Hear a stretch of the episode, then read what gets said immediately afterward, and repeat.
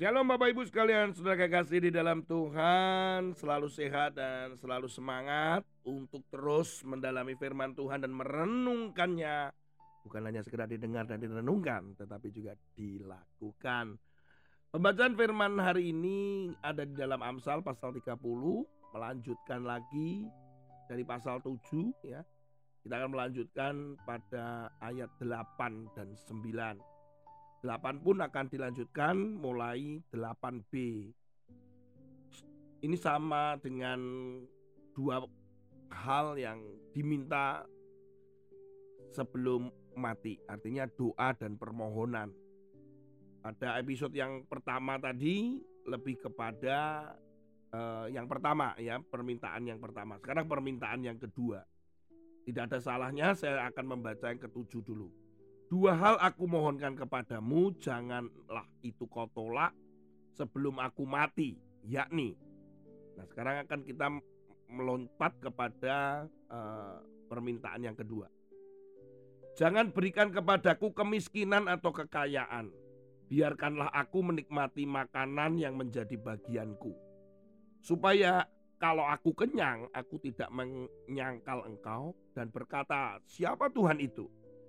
Atau kalau aku miskin, aku mencuri dan mencemarkan nama Allahku. Bapak Ibu sekalian, saudara kekasih di dalam Tuhan, permintaan kedua ini lebih kepada bagaimana mencukupkan.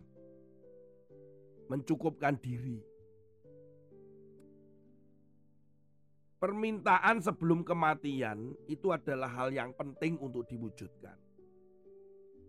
Ketika mami saya masih hidup dia banyak ngomong dengan saya toh nanti kalau aku mati begini kalau aku meninggal begitu. Dan bahkan saya sempat ngomong sama mami saya jangan terburu-buru ngomong begitulah. Saya ini masih rindu supaya saya bisa mengajak mami saya pergi untuk pergi ke Yerusalem begitu kalau saya sudah menikah, kemudian saya diberkati Tuhan dan seterusnya. Bahkan saya menyediakan kamar buat mami saya sementara waktu itu rumah kami sedang dibangun.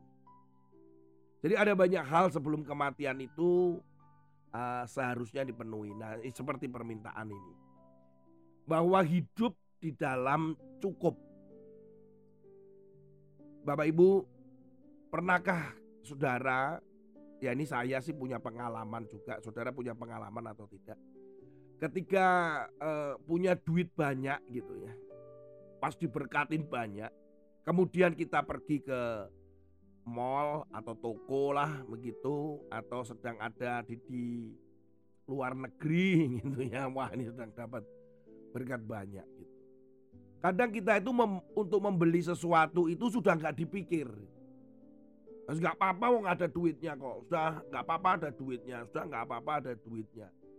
Nah tapi ternyata yang kita beli itu sampai pulang ke rumah. Eh, ini buat apa beli ini? Buat apa beli ini? Kan kayaknya ada banyak barang yang nggak perlu gitu. Atau kita membeli makanan yang rasanya terlalu mahal gitu. Waduh gitu ya.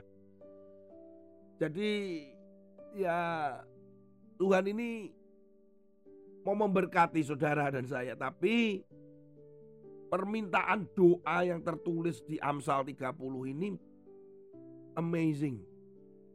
Dia ngomong bahwa jangan berikan aku kekayaan, jangan berikan aku kemiskinan. Ya biasa saja, cukup itu artinya. Kalau kekayaan dia mengatakan bahwa kalau nanti aku kaya aku jadi lupa karena engkau. Siapa Tuhan itu? Kalau aku miskin, aku akan aku akan mencuri dan berbuat kejahatan supaya aku tuh bisa makan dan itu mempermalukan nama Tuhan. Pertanyaannya boleh nggak sih kita ini kaya gitu? Boleh saja siapa yang melarang. Tapi kalau itu menjadi fokus kita itu sangat berbahaya. Makanya Tuhan sering kali Yesus itu mengingatkan juga tentang orang-orang kaya ini. Saya bertemu dengan seorang yang pelayanannya awalnya baik-baik saja, tetapi mengarah ke sampai hari ini, saya melihat ini kayaknya arahnya pada kekayaan, pada kemakmuran. Dan akhirnya menjadi orang miskin. Gini loh, kalau kita itu mikirin, oh harus kaya, kalau miskin itu dosa, miskin itu salah di hadapan Tuhan. Dan akhirnya terjadi dikotomi seperti itu. Loh kamu kok nggak mampu, kamu was, kamu berarti nggak berkenan di hadapan Tuhan. Bisa jadi akhirnya mengarah kepada sana. Tetapi teman saya ini sekarang fokusnya begitu. Semua logonya, beritanya tentang kekayaan bangsa-bangsa, tentang emas, tentang wes macam-macam sudah. Saya mulai merasa bahwa ini sudah arahnya sudah kayaknya sudah melenceng. Saya coba counter itu dengan beberapa kalimat-kalimat setiap dia posting. Ya mungkin akhirnya saya pasti dimarahin. Saya mencoba untuk menasihati dia bahwa arahnya jangan sampai salah. Orang mulai banyak berdatangan di persekutuan itu. Ya hati-hati saja gitu. Kenapa? Karena orang yang punya duit dan kaya itu berbahaya. Itu lebih mudah jatuh. Ya sebaliknya, ya orang miskin ya juga bisa mudah jatuh. Makanya doa daripada si siapa ini kita kalau katakan si Agur ini Agur itu dia ngomong jangan sampai aku tuh terlalu, jangan kaya jangan miskin jadi cukup Saudara kasih di dalam Tuhan, kita akan membuka firman Tuhan dikatakan demikian. Efesus pasal 4 ayat 28. Orang yang mencuri janganlah ia mencuri lagi, tetapi baiklah ia bekerja keras dan melakukan pekerjaan yang baik dengan tangannya sendiri supaya ia dapat membagikan sesuatu kepada orang yang berkekurangan. 2 Korintus pasal 9 ayat yang ke-8. Dan Allah sanggup melimpahkan segala kasih karunia kepada kamu supaya kamu senantiasa berkecukupan di dalam segala sesuatu. Kadang-kadang kecukupan. Dan malah berkelebihan di dalam berbagai kebajikan. Kalau toh ada kelebihan itu Tuhan mengatakan bahwa itu untuk kebajikan. Ibadah itu kalau diikuti rasa cukup itu sebetulnya begitu. Kecukupan itu juga belajar kata Paulus. Kita ini harus benar-benar membuka tangan kita atas apa yang Tuhan percayakan dalam hidup kita. Ada memang orang-orang yang kaya yang Tuhan percayakan dan untuk mengelola kekayaan dan mengelola berkat dari Tuhan. Oleh karena itu kita juga kalau kita pengen kaya, pengen kaya, pengen kaya Tuhan tahu. Jangan-jangan nanti ada kesombongan sehingga engkau melupakan Tuhan. Atau ya ada doa miskin, miskin, miskin, miskin. Ya nanti kita berbuat kejahatan jadinya. Jadi cukup.